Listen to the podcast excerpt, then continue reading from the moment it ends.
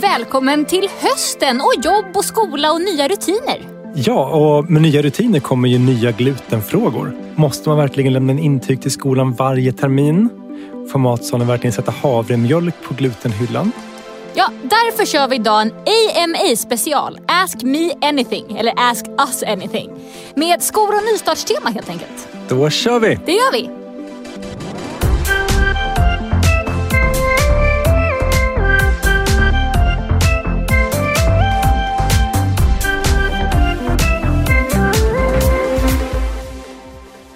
Vi har ju ställt frågor på Instagram. Mm. Eh, både Celiakiförbundet och jag på min Smilla Glutenfritt Liv Instagram. Så alla får vara med. Exakt, och vi har fått in så mycket frågor så jag tycker att vi, liksom, vi kör bara pang på frågorna. Det gör vi. Hur mycket krav tycker ni att man ska ställa på skolan? Ja, alltså man ska ställa ganska mycket krav på skolan. Okej, eh, det finns en följdfråga nämligen. Vi kör den då på en Ja. gång. Jag har bett om att få komma in i skolköket för att säkerställa att allt går rätt till. Men blivit nekad. Får jag kräva att komma in i köket ändå? Eller vad säger lagen? Det här är väldigt, väldigt klurigt får jag säga. Eh, det kanske inte är klurigt alls egentligen, men det är så att alltså, man kan väl inte riktigt kräva att få komma in på skolan om de säger nej. Nej. Om de faktiskt är så att de säger nej, vilket är konstigt. Det kan ju vara som hygienskäl av olika saker, men då alltså på något sätt så borde man kunna tvätta sig eller eh, låna en rock eller vad man nu ska ha för någonting för att kunna gå i köket. Eller bara in i matsalen där barnen ju går in varje dag. Mm, just det. Eh, bara för att gå in och se hur det går till. Den här människan kanske vill se hur de lagar maten. Eh, Eller att de vill se det som hur, man, just här, hur det går till när de ska ta maten eller Mm. få den serverad. Mm. Det är lite olika saker. Jag tänker att gå in i köket och se hur de lagar maten. Jag vet inte om det ger så jätte- jättemycket förutom att man ser då såklart om de är jätteohygieniska.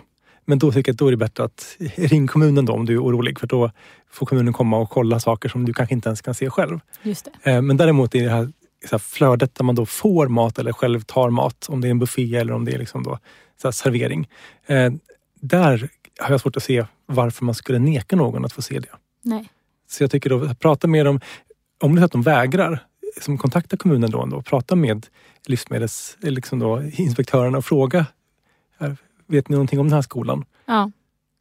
Det kanske är en, en större varningsflagg än bara celiakimässigt. Om man inte får se hur någonting går till. Ja men precis, om man inte blir insläppt i matsalen där, där som sagt, både barn och personal och andra kommer in. Liksom där, det tycker jag låter väldigt märkligt. Ja. Men just i köket, då tycker jag det är bättre att prata med livsmedelsinspektörerna.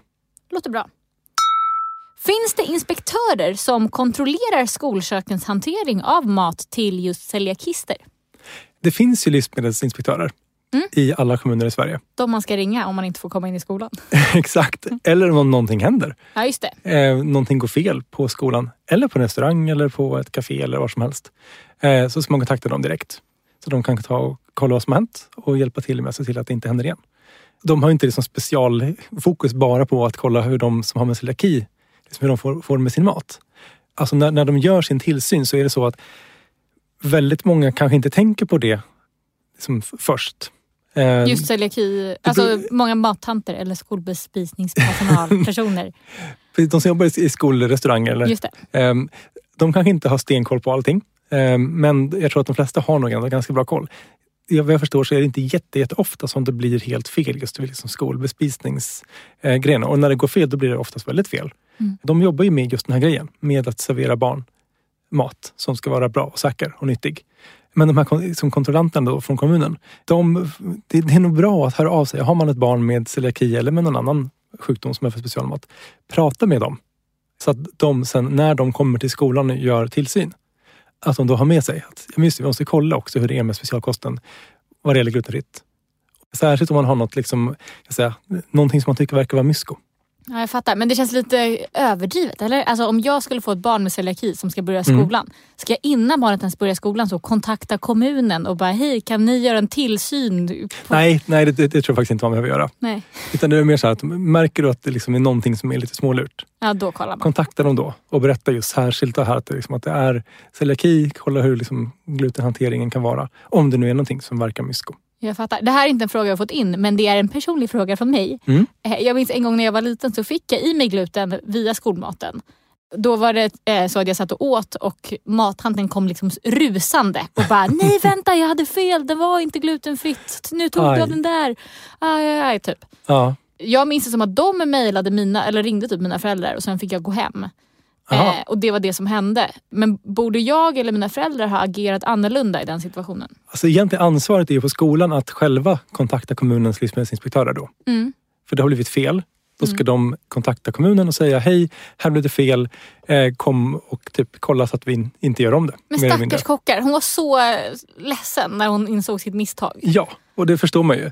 Men, men sen, någonstans blev det ändå fel. Ja. Och då är det bra att kommunen kommer ut, eller som då inspektören från kommunen kommer ut och kollar så, här, så att det inte kan bli fel igen. Mm.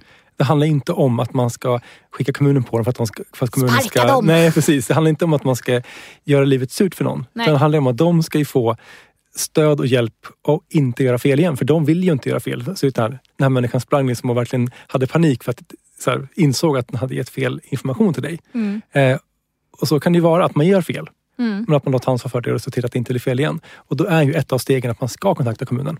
Just det. De flesta skolor gör inte det. Nej. Och eh, hittar man det liksom på internet, alltså sin kommuns typ infomail eller var, eh, hur- var, var vänder man sig? Man går in på anmälmaten.se.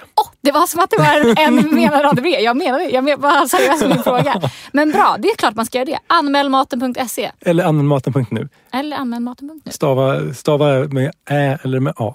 Jag har reggat alla Vi domäner. har räckat alla domäner Det måste kunna komma fram. Ja, det är alltså Celiakiförbundets eh, egna tjänst men som då kom, man kopplas direkt till rätt person på rätt kommun. Precis, det skickas direkt till kommunen som där, där, där, som- där det har hänt. Så smart.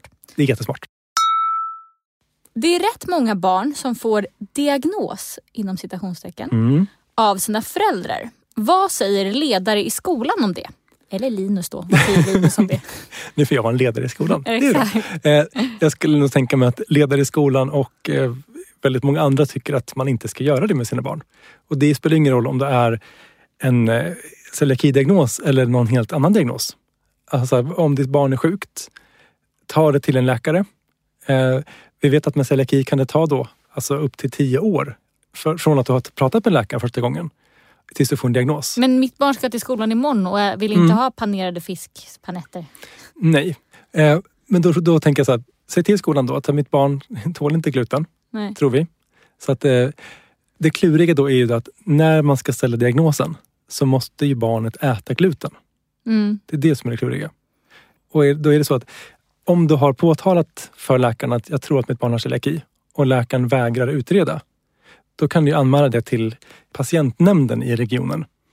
Det är alla regioner har en patientnämnd där man liksom då, när läkarna gör fel, upp, så här uppenbart, Mm. så kan man höra av sig dit.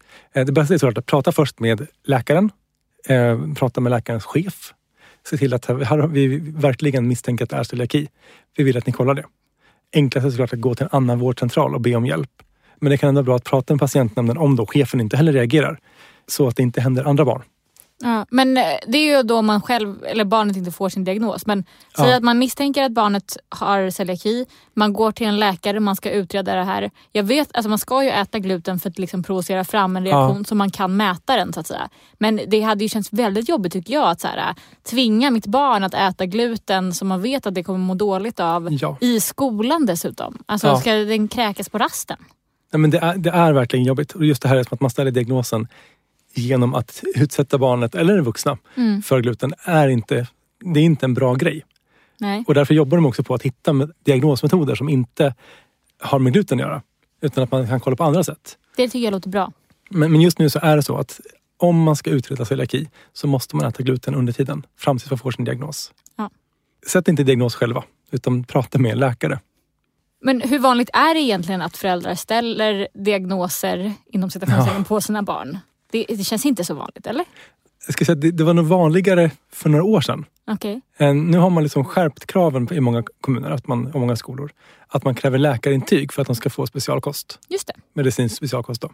Men som för några år sedan, då var det, och det var särskilt så här, Stockholms innerstad. Mhm. Eh, kan vara lite grann i Malmö och Göteborg också, men vad jag, vad jag vet så är det mest Stockholms innerstad. Där väldigt, väldigt många barn inte tålde gluten bland annat och laktos och räkor och fisk och allt vad det kan ha varit. Mhm. Eh, sen införde man krav på läkarintyg och den här andelen av barnen som behövde specialkost sjönk drastiskt. Förstår. Ja, Okej, då är det Eh. fog för den här frågan då helt enkelt. Ja, men det var en så här önskekost. Var, var väl det mer som de tänkte, så här, föräldrarna. Fast de tänkte att det var medicinsk specialkost. Ja, just det. Det låter som en i min klass som inte tyckte om lök, som fick bli allergisk mot lök. Men han fick inte heller äta liksom lökfri mat sen när, han, när man behövde ha intyg på. Nej, okej. Nej. Så att, eh, Nej, men det, men alltså, tanken är också att de, ska ju, de som faktiskt har besvär ska gå till läkare och få det utrett om det verkligen är det. Eller om det är något annat. Det kan vara liksom en annan sjukdom som döljer sig bakom besvär. Som Just man det. upplever att har med något visst mat, livsmedel att göra. just det. Men eh, det, jag har en jättebra fråga här, som nästa fråga. Hur ofta måste man egentligen förnya sitt intyg? Räcker det inte att visa det en gång? Det kan man tycka. Ja, det är väl en livslång sjukdom om man inte, som till exempel Gustav i förra avsnittet, då blir helad av Gud. Ja, eller, att man får, liksom då, som, som, som läkarna säger, då, att det kanske inte är Gud utan det är mer att man får en, en paus i sin celiaki. Och som sagt, väldigt, väldigt ovanligt och man, man blir inte av med det utan man är mer som att man blir symptomfri en viss period. Just det, lyssna på förra avsnittet då om ni vill höra mer om det här. Ja, verkligen. det. Eh, men okej, hur ofta måste man förnya sitt intyg? Eh, Sveriges eh, kostchefers liksom, branschorganisation de har tagit fram rekommendationer som de skickat ut till alla, liksom, alla medlemmar i, runt om i Sverige. Eh, alla liksom då, kostchefer på kommunerna eller ja, skol restaurangchefer och sånt där. Där de skriver då att just vad det gäller celiaki så är det en livslång sjukdom. Det bör räcka med ett intyg. Och då bör också räcka liksom att du har då kanske det från du fick diagnosen, att det är daterat sig 2003 Ja. och du kan använda det liksom fa- fast det är 2022. Mm. Eh, för du har fortfarande samma sjukdom. Och du kommer att ha den. Liksom, den försvinner liksom inte. Så, så det är väl liksom det, den, den egentliga, så, så som det borde gå till. Men sen vet jag också att många kräver det varje termin. För att de menar att de lägger in det på något särskilt system eller något sånt där. Och, eh, haft problem. Det var en, en pojke för något år sedan, två, tre år sedan, vars föräldrar inte hade lämnat in då den som de ville ha varje termin. Mm. Fast de hade fått in ett läkarintyg på att han har celiaki som är livslång. Mm. Eh, och då till slut så, så vägrade skolan ge honom mat. Så här, ni har inte lämnat in, då ska inte han ha mat. Mm. Så får man inte göra. Det är ju Nej. liksom jätte, jättekorkat och jätteolagligt. Men skolorna gör ju mycket konstiga saker. Ja, Och här, man kan ju anmäla allting såklart. Men man kommer inte jättelångt oftast med anmälningar. Utan oftast är det, det enklaste är att prata med, med dem eller prata med någon annan eller prata med någons chef. Eller så där. Men finns det någon liksom hänvisning? Kan man typ skicka någon länk? Så här, det här är rekommendationen. Man ska inte behöva ge ett intyg varje år. Ja, Kost och näring som då är branschorganisationen för liksom då, som, som ansvarar för maten i kommunen bland annat. De har nationella rekommendationer för specialkost och anpassade måltider i förskola och skola. Och den nya versionen som kommer ut i år, 2023, den finns både på, på celiaki.se och du kan googla annars Ja. efter det här. Där står bland annat då just det här att man, har man celiaki så är det liksom ett intyg som gäller, eller som räcker snarare. Ja men bra. Då kan man i alla fall luta sig lite mot det och hoppas att man kan få igenom det även på sin egen skola. Ja, och annars får man kontakta mig på ombudsman. Superbra. Oatly är standard på allergihyllan. Men hur ska celiakisten tänka där? Ja, Oatly är verkligen standard. Ja. Och vi vet om att det är jättemånga skolkök som använder Oatlys produkter i den glutenfria maten. Ja, även så här matlagningsgrädde eller vad det nu heter. Ja, de har ju massa produkter Ja. som är jättebra och jättepraktiska och som nästan alla tål. Ja. Men när det gäller celiaki så garanterar inte Oatly att det är under 20 ppm i deras produkter. De garanterar inte att det är Nej. under 20 ppm. Och då får man inte ha det i glutenfri mat. Nej. Det är glutenfritt som gäller. Ehm, så att, eh, vi, har, vi har haft exempel på liksom barn som har fått mycket, alltså, ska säga, deras kost har ba- baserats mest på Oatlys produkter som de har trott var glutenfritt på skolan. Eh, vi hade något barn som inte växte under skolåret, eller under terminerna. Sen under liksom då, sommarlovet så växte barnet igen och mådde bra. Sen under terminerna så var det dåligt. Mhm. För att det fick då Oatlys produkter hela tiden. Okej. Med liksom lite, lite vete, lite gluten i. Mm. Och det funkar inte. Så att eh, man får inte ha, ha liksom Oatlys-produkter alls. Så att det kan vara bra att säga till. Påminna dem om det. För jag, har jag har snackat med liksom flera stycken som jobbar inom skolkök som menar då att det är en sån här sak som man tycker inte celiaki är så, eller förstår inte att det är så himla allvarligt. Nej, det är väl också eh, lite tveksamt med just så här havremjölk och sånt. Att det har liksom det har väl varit olika bud fram och tillbaka och liksom, så att just det kan man förstå kanske att det är lite... Ja, havre har ju Knixig. varit en grej som man har som har haft att man, man ska inte äta det, sen ska man äta havre. Och sen glutenfri havre. Ja. Men det är ganska länge sedan ändå. Det är liksom tio år sedan man hade debatten egentligen. Jag känner fortfarande att den ganska... Jo men det, är, men det är fortfarande så att många som jobbar i skolkök har jobbat längre än tio år. Just det. Så att när de lärde sig saker och var liksom så här öppna för massa input, då kanske det här var en, en aktiv debatt. Mm. Eller att det, var det som inte tillåtet, eller att det var tillåtet. Eh, så att man har ju lärt sig någonting någon gång för länge sedan oftast, som man sen kommer ihåg. Men just ortisprodukter får inte vara i glutenfri mat. Så att det kan vara som att bara, ja, se till. En följdfråga på det då. Mm.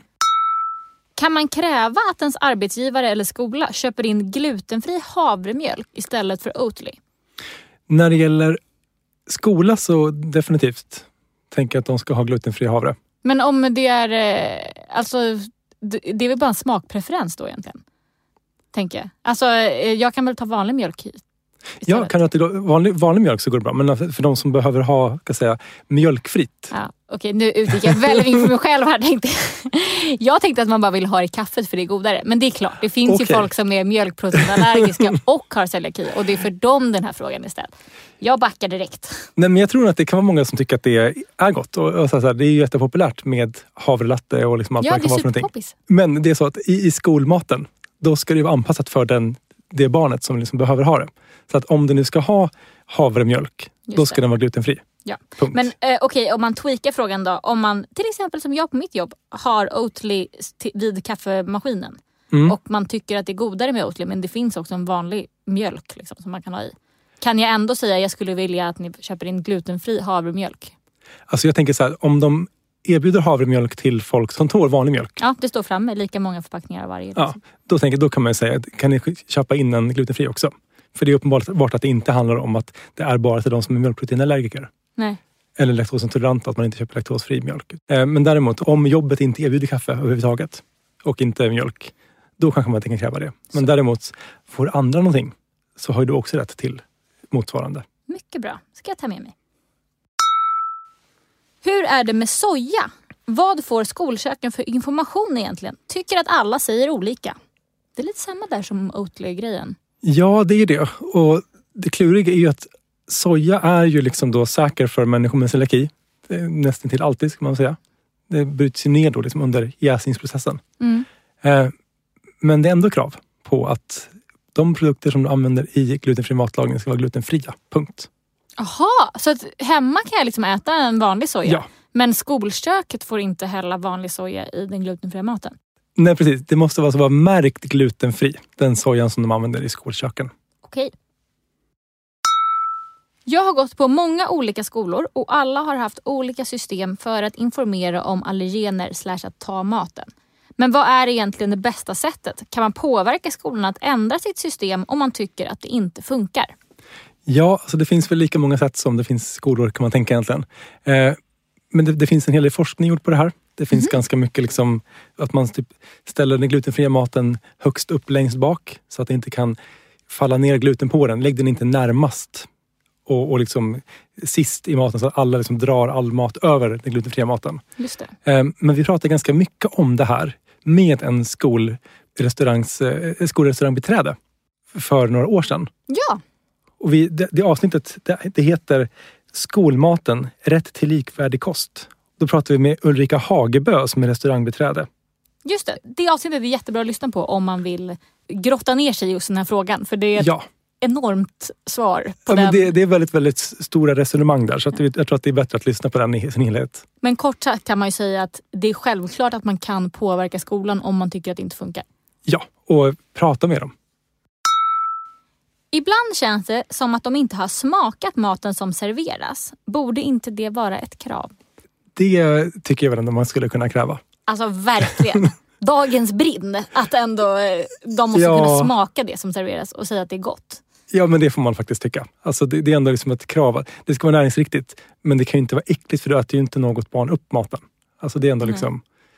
Um, servera mat som man inte har smakat, det tror jag att det gör man kanske inte riktigt. Jag minns en gång när det var en mattant som eh, serverade mig en pas, glutenfri pasta som var alltså som gröt. Det var, alltså, det var den mest sönderkokta pastan jag har varit med om. Eh, och hon tittade på mig och sa förlåt. Då känner man, man måste väl Nej. ändå, där finns det väl ändå lite utrymme för förbättring. Ja, koka en till pasta fort. Ja, man ser att det blev verkligen. gröt. Om det verkligen är så att maten alltid är äcklig, prata med dem då. För det, alltså, det, man kan göra mat som är god fast den är glutenfri. Verkligen. Och man, eh, det kanske goes without saying, men man kan ju också ha en trevlig ton. Det behöver inte vara så här, äh, smakar ni ens den här maten? Utan så här, eh, Nej. jag har upplevt ett tag att det kanske inte är jättegott. Typ. Ska, ska vi smaka ha- på det tillsammans? Man får ha en liten trappa, man får börja väldigt, väldigt trevligt. Sen så, alltså så här, lite, lite längre upp. Sen ringer man kommunen. Exakt. Men bör- börja med att prata när det gäller sådana här saker. Hur kan man få skolan att välja de bästa produkterna och inte bara de receptbelagda eller de billigaste? Ja, jag förstår, jag förstår frågan. Liksom, att man väljer det billigaste brödet. Ja. Som kanske inte alltid är det godaste. Eh, Men dels så handlar det om liksom näringsinnehåll. Alltså, skolmaten ska ju ändå vara, liksom, hålla en väldigt hög kvalitet. Mm. Vad det gäller liksom näringstäthet och allt vad det kan vara för någonting. Sen tror inte jag att alla alltid följer allting liksom slaviskt. Men jag tycker ändå så att det kan vara bra att påpeka om man märker att det, är, att det skiljer sig från så normalkosten. Eh, Att man alltid får liksom väldigt eh, vitt näringsfattigt bröd till exempel och andra får fullkornslimpa eller vad det kan vara för någonting. Då, då får man ju säga till. Just För det. det finns glutenfritt bröd som är mer näringsrikt. Ja, och jag upplever också eh, liksom, när jag har varit yngre och gått i skola att eh, de som lagar maten vill ju oftast att det ska vara gott och bra. Liksom. Det är Ja. väldigt få som är onda personer och Nej. bara vill liksom, förstöra för en.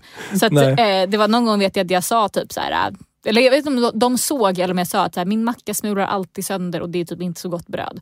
Och att det var då så här, men gud, vet du något bättre bröd? Kan inte Ja. du berätta vilken Ja. tycker du är godast? Särskilt kanske om man går på en mindre skola. Att det är, eller om man är tre, fyra personer som har celiaki. Mm. Det är ganska lätt då att köpa in liksom ett gott bröd istället. Precis. Så att alla blir nöjda. Under våren sponsras Glutenpodden av Celiakiföreningen i Skåne län som hostar södra Sveriges största glutenfria mässa, Det goda livet. Ja, välkommen den 25 maj till Malmömässan i Hyllie för att tillsammans med oss fira mässans 10-årsjubileum. Läs mer på specialkostmässan.se. För vi kommer också ha livepoddar, så det kommer ju bli Just det. superkul. Lyssna på oss där. Det är ändå ganska fett att vi är Sveriges största podd med inriktning glutenfritt. Men det det egentligen betyder är ju att vi varje månad når ut till liksom tusentals celiakister och andra glutenfritt intresserade. Ja, och jobbar just du på ett företag som tar fram glutenfria produkter eller ett företag som pysslar med någonting helt annat men tycker att celiaki är en viktig fråga eller våra lyssnare är en viktig målgrupp att nå ut till, då kan ni ju sponsra oss. Ja, ni når ut till hela celiaki-Sverige med ert budskap och vi kan fortsätta göra den här podden. En riktig win-win. Hör av er till Info at celiaki.se. så kommer Linus berätta allt ni behöver veta.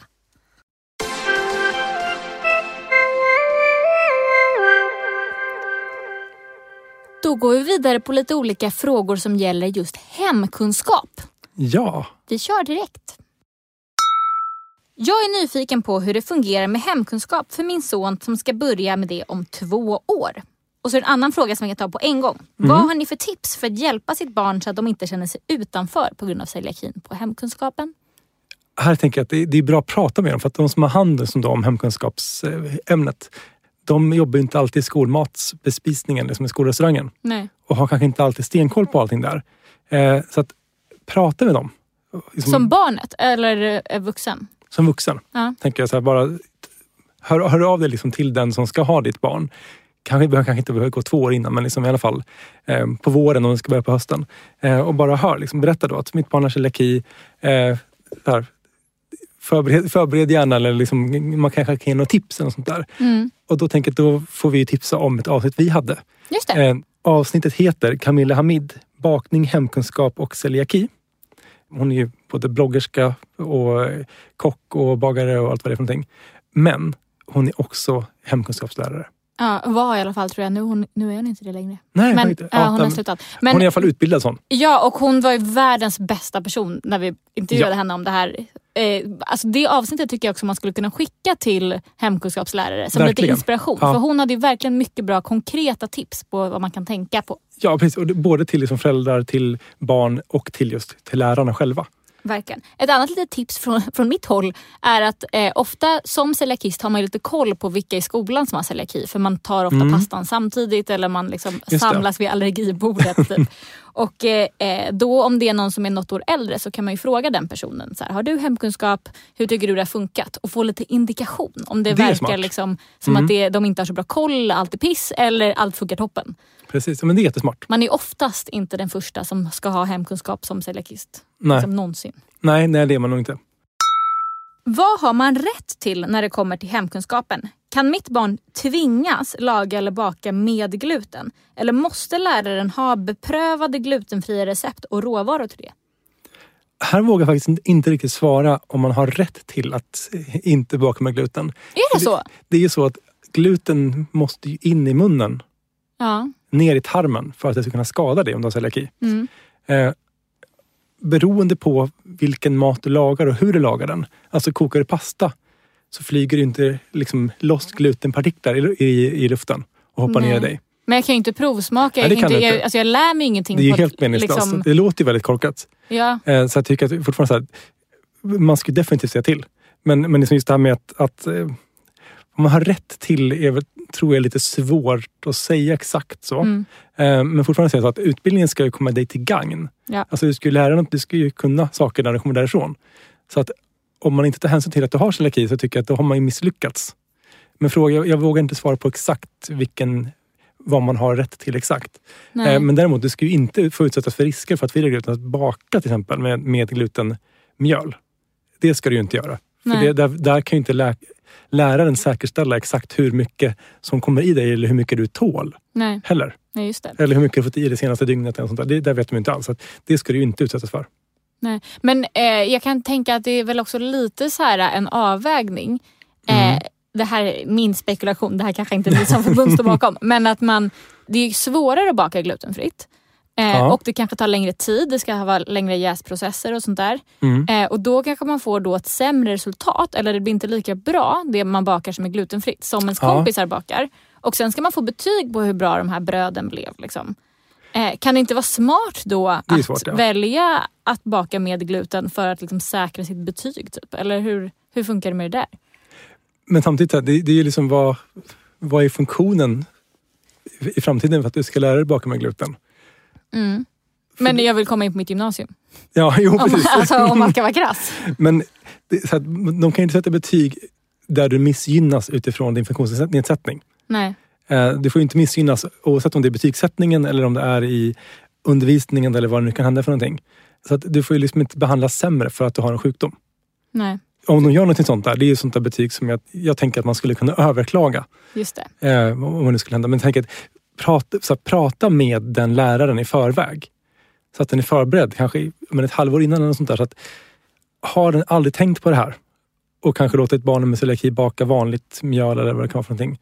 Kanske den kan tänka om och då ta någonting man kan baka på lektionstiden. Ja. Och så dessutom så är ju liksom själva resultatet, alltså hur, hur fint brunt ditt bröd blev, det är ju inte det som du sätter betyget på. Nej, just det. Ehm, även om det säkert kan ha det som en, en funktion i liksom vilket betyg du får, så får du fortfarande liksom inte särbehandla någon sämre för att de har celiaki. Just det. Och det är väl också lite gamla betygssystemet. Att man liksom då betygsatt mer på resultat och nu mer på typ reflektion och process. Ja, och, men fortfarande. Alltså, du, du får inte särbehandla någon sämre Nej. för att de har en sjukdom.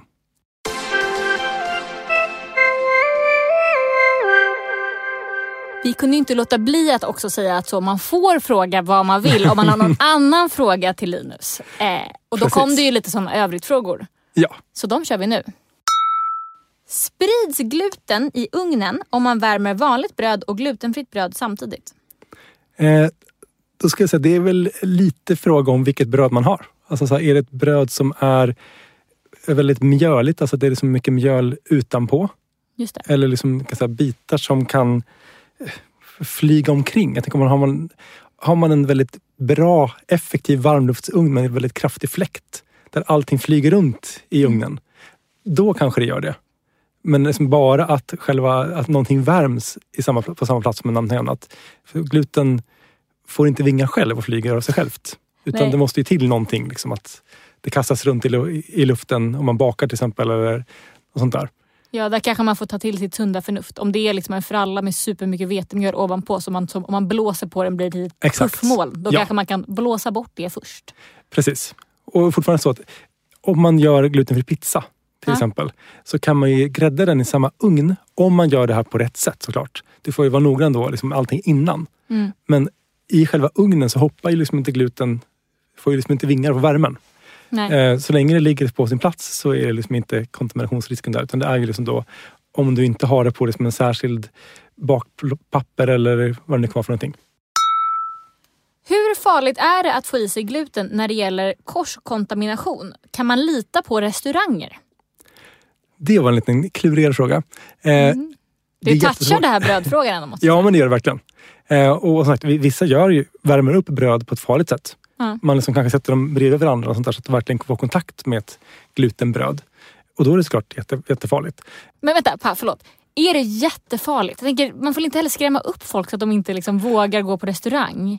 Nej, alltså, du kommer inte dö av det. Nej. Eh, Men, men allting handlar ju om så här, jag säga, farligt för den med celiaki, alltså att få i sig gluten. Det är fortfarande så att du kan ju få ganska allvarliga symptom och du kan få långsiktiga problem.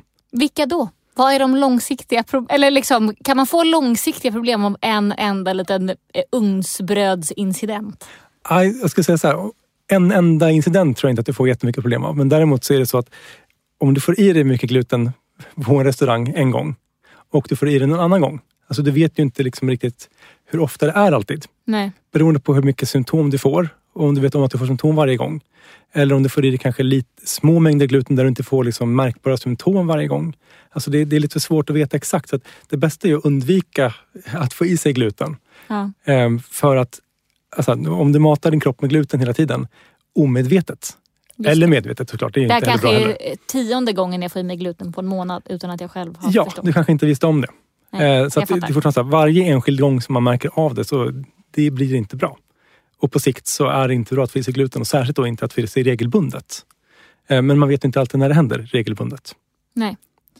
Eh, Så är det farligt att gå på restaurang? Om vi ska tillbaka till frågan. Förlåt att jag avbrutit dig. Nej, men vi, vi kan, alltså just, just korskontamination, jag förstår så det, det är väl inte det vanligaste utan det vanligaste är att de gör att felserverar. Att de liksom tar orden fel, att de liksom missuppfattar någonting i, alltså någonstans i gången från din beställning till du får maten på bordet. Någonstans där blev det fel. Du får det som en helt vanlig hamburgare eller pasta eller någonting. Det är väl, som jag har förstått i alla fall, det som de ser mest Mm. när man liksom gör inspektioner och undersöker vad som hänt. Att det faktiskt var helt fel.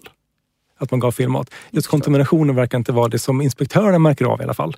Eh, Men däremot så är det så att får du i dig lite gluten hela tiden Mm. genom kontamination så vet du inte om det. Nej. Om du inte får kraftiga symptom varenda gång. Just det. Men man ska väl också tillägga att man får ju få i sig typ ett kryddmått vetemjöl per dag. Mm. Så att skulle det vara så att det är typ skuret på samma skärbräda men det är inga sm- synliga smulor eller någonting så Ja. kanske det ändå passerar för den dagen. Men så kan det vara. Men det, sagt, det handlar om liksom då totala dygnsmängden du får i dig. Mm. Det viktiga här är sånt att du har koll på hur mycket du får i dig. Därför ska ju liksom en restaurang ska ju inte ge dig mer Just det, gluten. såklart. Utan de, de ska se till att det är glutenfritt. Alltid under 20 ppm. På café ska bakade saker inte anges som glutenfria utan de ska anges som bakade utan gluten eftersom att det finns en miljö med mjöl. Men då borde väl inte pizzerior kunna erbjuda glutenfria pizzor? Eller får pizzerior skriva glutenfria pizzor? Eh, Det här är en så väldigt klurig sak där kommunerna gör olika. Aha. Eh, De har olika regler i olika kommuner för olika verksamheter. Det finns en lag som säger vad man får och inte får göra. Eh, Den lagen säger Livsmedelsverket är väldigt tydlig och de har också på- ut på sin hemsida vad man får och inte får göra. Mm. Malmö stad följer, följer den lagen. Eh, Men Stockholm, Göteborg, nästan alla andra kommuner gör inte det. Den här podden älskar Malmö. Malmö gör alltid rätt. De, Det är väl så? Ja, jag ska säga, de kanske inte alltid gör rätt, men de gör mer rätt än de andra kommunerna. Okej. Och vad är det då som de följer som, dåligt. som de andra inte gör? Nej, men det är så att om man det man får påstå om gluteninnehållet, det är glutenfri Mhm. eller mycket låg glutenhalt och det innebär högst 100 ppm gluten. Okej, det får man säga. Det får man säga, men det finns ju ingen som säger det eftersom Nej. det är helt meningslöst. Ja. För det får du inte använda i glutenfri mat exempelvis. De, Nej. produkterna. Så det som används i Europa, det är glutenfritt och det är 20, med högst 20 ppm. Mm. Du får inte skriva någonting om att det är bakat i en miljö där gluten finns. Det är inte tillåtet. Inte ens på kaféer där det är Nej. mycket mjöl? Nej. Nej, Utan då ska det vara antingen glutenfritt eller inte glutenfritt? Ja, för du som kund kan ju inte avgöra kontaminationsrisken. De skriver så här, det är bakat i en miljö där det finns mjöl. Nej. Så vad då mjöl eller gluten? Mm. Hur mycket finns det? Hur, vilken risk är det att det finns just min kaka? Mm. Och hur mycket kan det finnas där? Det får inte du veta av det. Utan Nej. det du vill veta är ju, kan jag äta den eller kan jag inte äta den? Mm. Inte så här, skulle jag kanske kunna äta den om det var säkert eller inte? Eller hur har de gjort? Nej, okej, men pizzerior då? För det, ofta står det så här, glutenfri pizza plus 15 kronor typ. Ja, om de kan garantera att den är glutenfri får de sälja den som glutenfri. Sen vet jag att alla har inte stenkoll. Så det är fortfarande så här bra frå- fråga. Alltså när, när du köper mat någonstans och du kanske inte känner dig helt hundra. Fråga hur de gör. Mm. Eh, de, de kan berätta det. Och kanske också att man ska kika lite. Alltså så här, ser det Ja. ut som att de slänger mjöl överallt, då kanske det inte Nej, en då är det kanske inte bästa stället. Nej, men här, kolla vart du är någonstans. Liksom, kika lite grann hur de gör, hur de städar generellt. Alltså, så här, ser det verkligen bara äckligt ut? Ja, det där måste jag bara inflika. För att jag gick en kockutbildning när jag var typ 17-18. Mm. Och, eh, någon så här grundläggande typ. Eh, och då sa de på den utbildningen att det bästa sättet att ta reda på en, hur en restaurang eh, håller på med liksom hygien och typ så Ja. hur bra de är med maten. Är att gå in på toaletten innan du ens beställer och kolla hur städat det är där. För att oddsen är att de städar inte bättre i köket än vad de är på toaletten. Ah, Och det där har hängt med mig. Särskilt om man kommer till någon Ja. vägkrog typ. Med ens känns många restauranger betydligt äckligare. kan man ju tipsa om då. Kolla Ja. lite på toaletten och sen kolla lite hur mycket mjöl de kastar. Och sen, ja, men också, men ställ frågor, alltså prata Ja. med dem. Alltså, det, är, det är väldigt få som inte svarar på frågor. Och vill de inte svara på frågor, då kanske inte det är bästa stället. Okej, sista frågan. Kan man få bidrag för celiaki när man går på universitetet eller är över 18 år? Eh, Det korta svaret är ja, man kan få. Mhm. Men det beror på var du är, var du bor någonstans. Så att om du bor i en viss region, till exempel Stockholm, så är svaret nej. Mm. Bor, Vänta, vänta, vänta. låt mig gissa. Hur är det med Malmö? Malmö, jag vågar faktiskt inte svara exakt hur det är just nu, men det har varit så att man har fått det även när man är vuxen. Bästa Malmö. Ja, Skåne, Region Skåne som det heter nu. Mm. Eh, de sköter det här lite bättre än de flesta andra. Får man väl säga. Det finns flera stycken andra också som har gett bidrag även för de som vuxna. Men det handlar inte om att man går på universitetet eller att man är just över 18 utan det handlar om att man, man får ett bidrag efter att man har fyllt 16. Men är det alltså typ ett SOS-bidrag man får? Nej, Eller det handlar om att, liksom- att, att regionen ger då ett bidrag som är säga, motsvarande det som man får som är, när man är under 16. Okej. Ehm, så att i vissa, vissa regioner har det varit att man fått ett kontantbidrag kanske. Men kan man söka alltså typ motsvarande SOS eller så? Alltså om man har väldigt låg inkomst och behöver mer pengar Ja. för att köpa sin mat. Ja, eh, om man då söker liksom då försörjningsstöd som det heter, Just det. eller, eller SOS-bidrag som man kan säga lite raljant. Du är experten här. Eh, Det var inte raljant ska sägas. nej, det var det inte. Okej, ja Eh, fortsätt. Men i, i folkmun brukar man säga SOS-bidrag. Mm, eh, försörjningsstöd heter det. Men då är det så att det finns möjlighet att få extra pengar för fördyrade livsmedelskostnader på grund av alltså en medicinsk diagnos. Mm. Så att om man då behöver socialbidrag Mm. eller försörjningsstöd av någon anledning, eh, ta upp då att du har celiaki eller att ditt barn har celiaki eller vad det kan vara för någonting. Och att det kostar då mer. Och, och be om liksom då extra pengar för det. För att alltså, på, på en normal budget, lägsta budgeten för mat, så har du inte råd med glutenfri mat som är lika näringsriktig och nyttig och bra som, ska säga, som normalkost med gluten. Nej, det är så jävla deppigt verkligen. Ja men det är det. Och, och, Alltså liksom, det är verkligen sjukt att det är så. och där, alltså, bara för att man har lite pengar så ska inte man behöva äta sämre mat för att man är sjuk. Nej, så då ska man flytta till Skåne och sen så ska man få sitt bidrag. Ja, det är ett bra tips.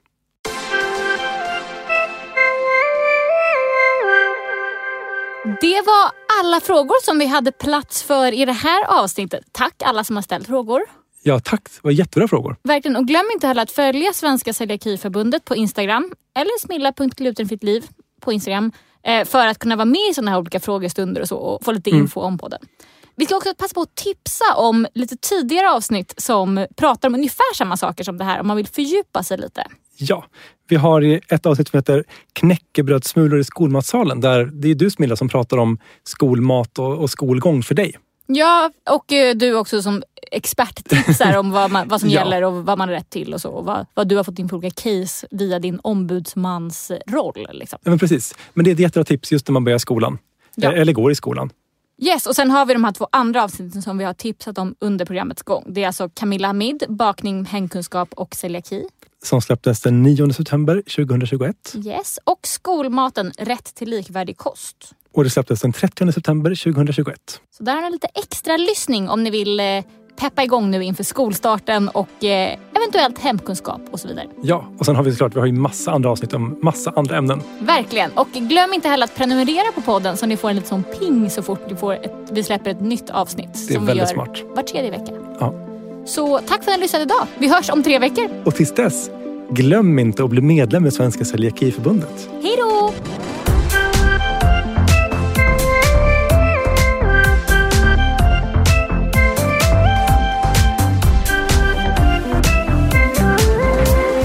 Det här programmet görs på Beppo. Beppo.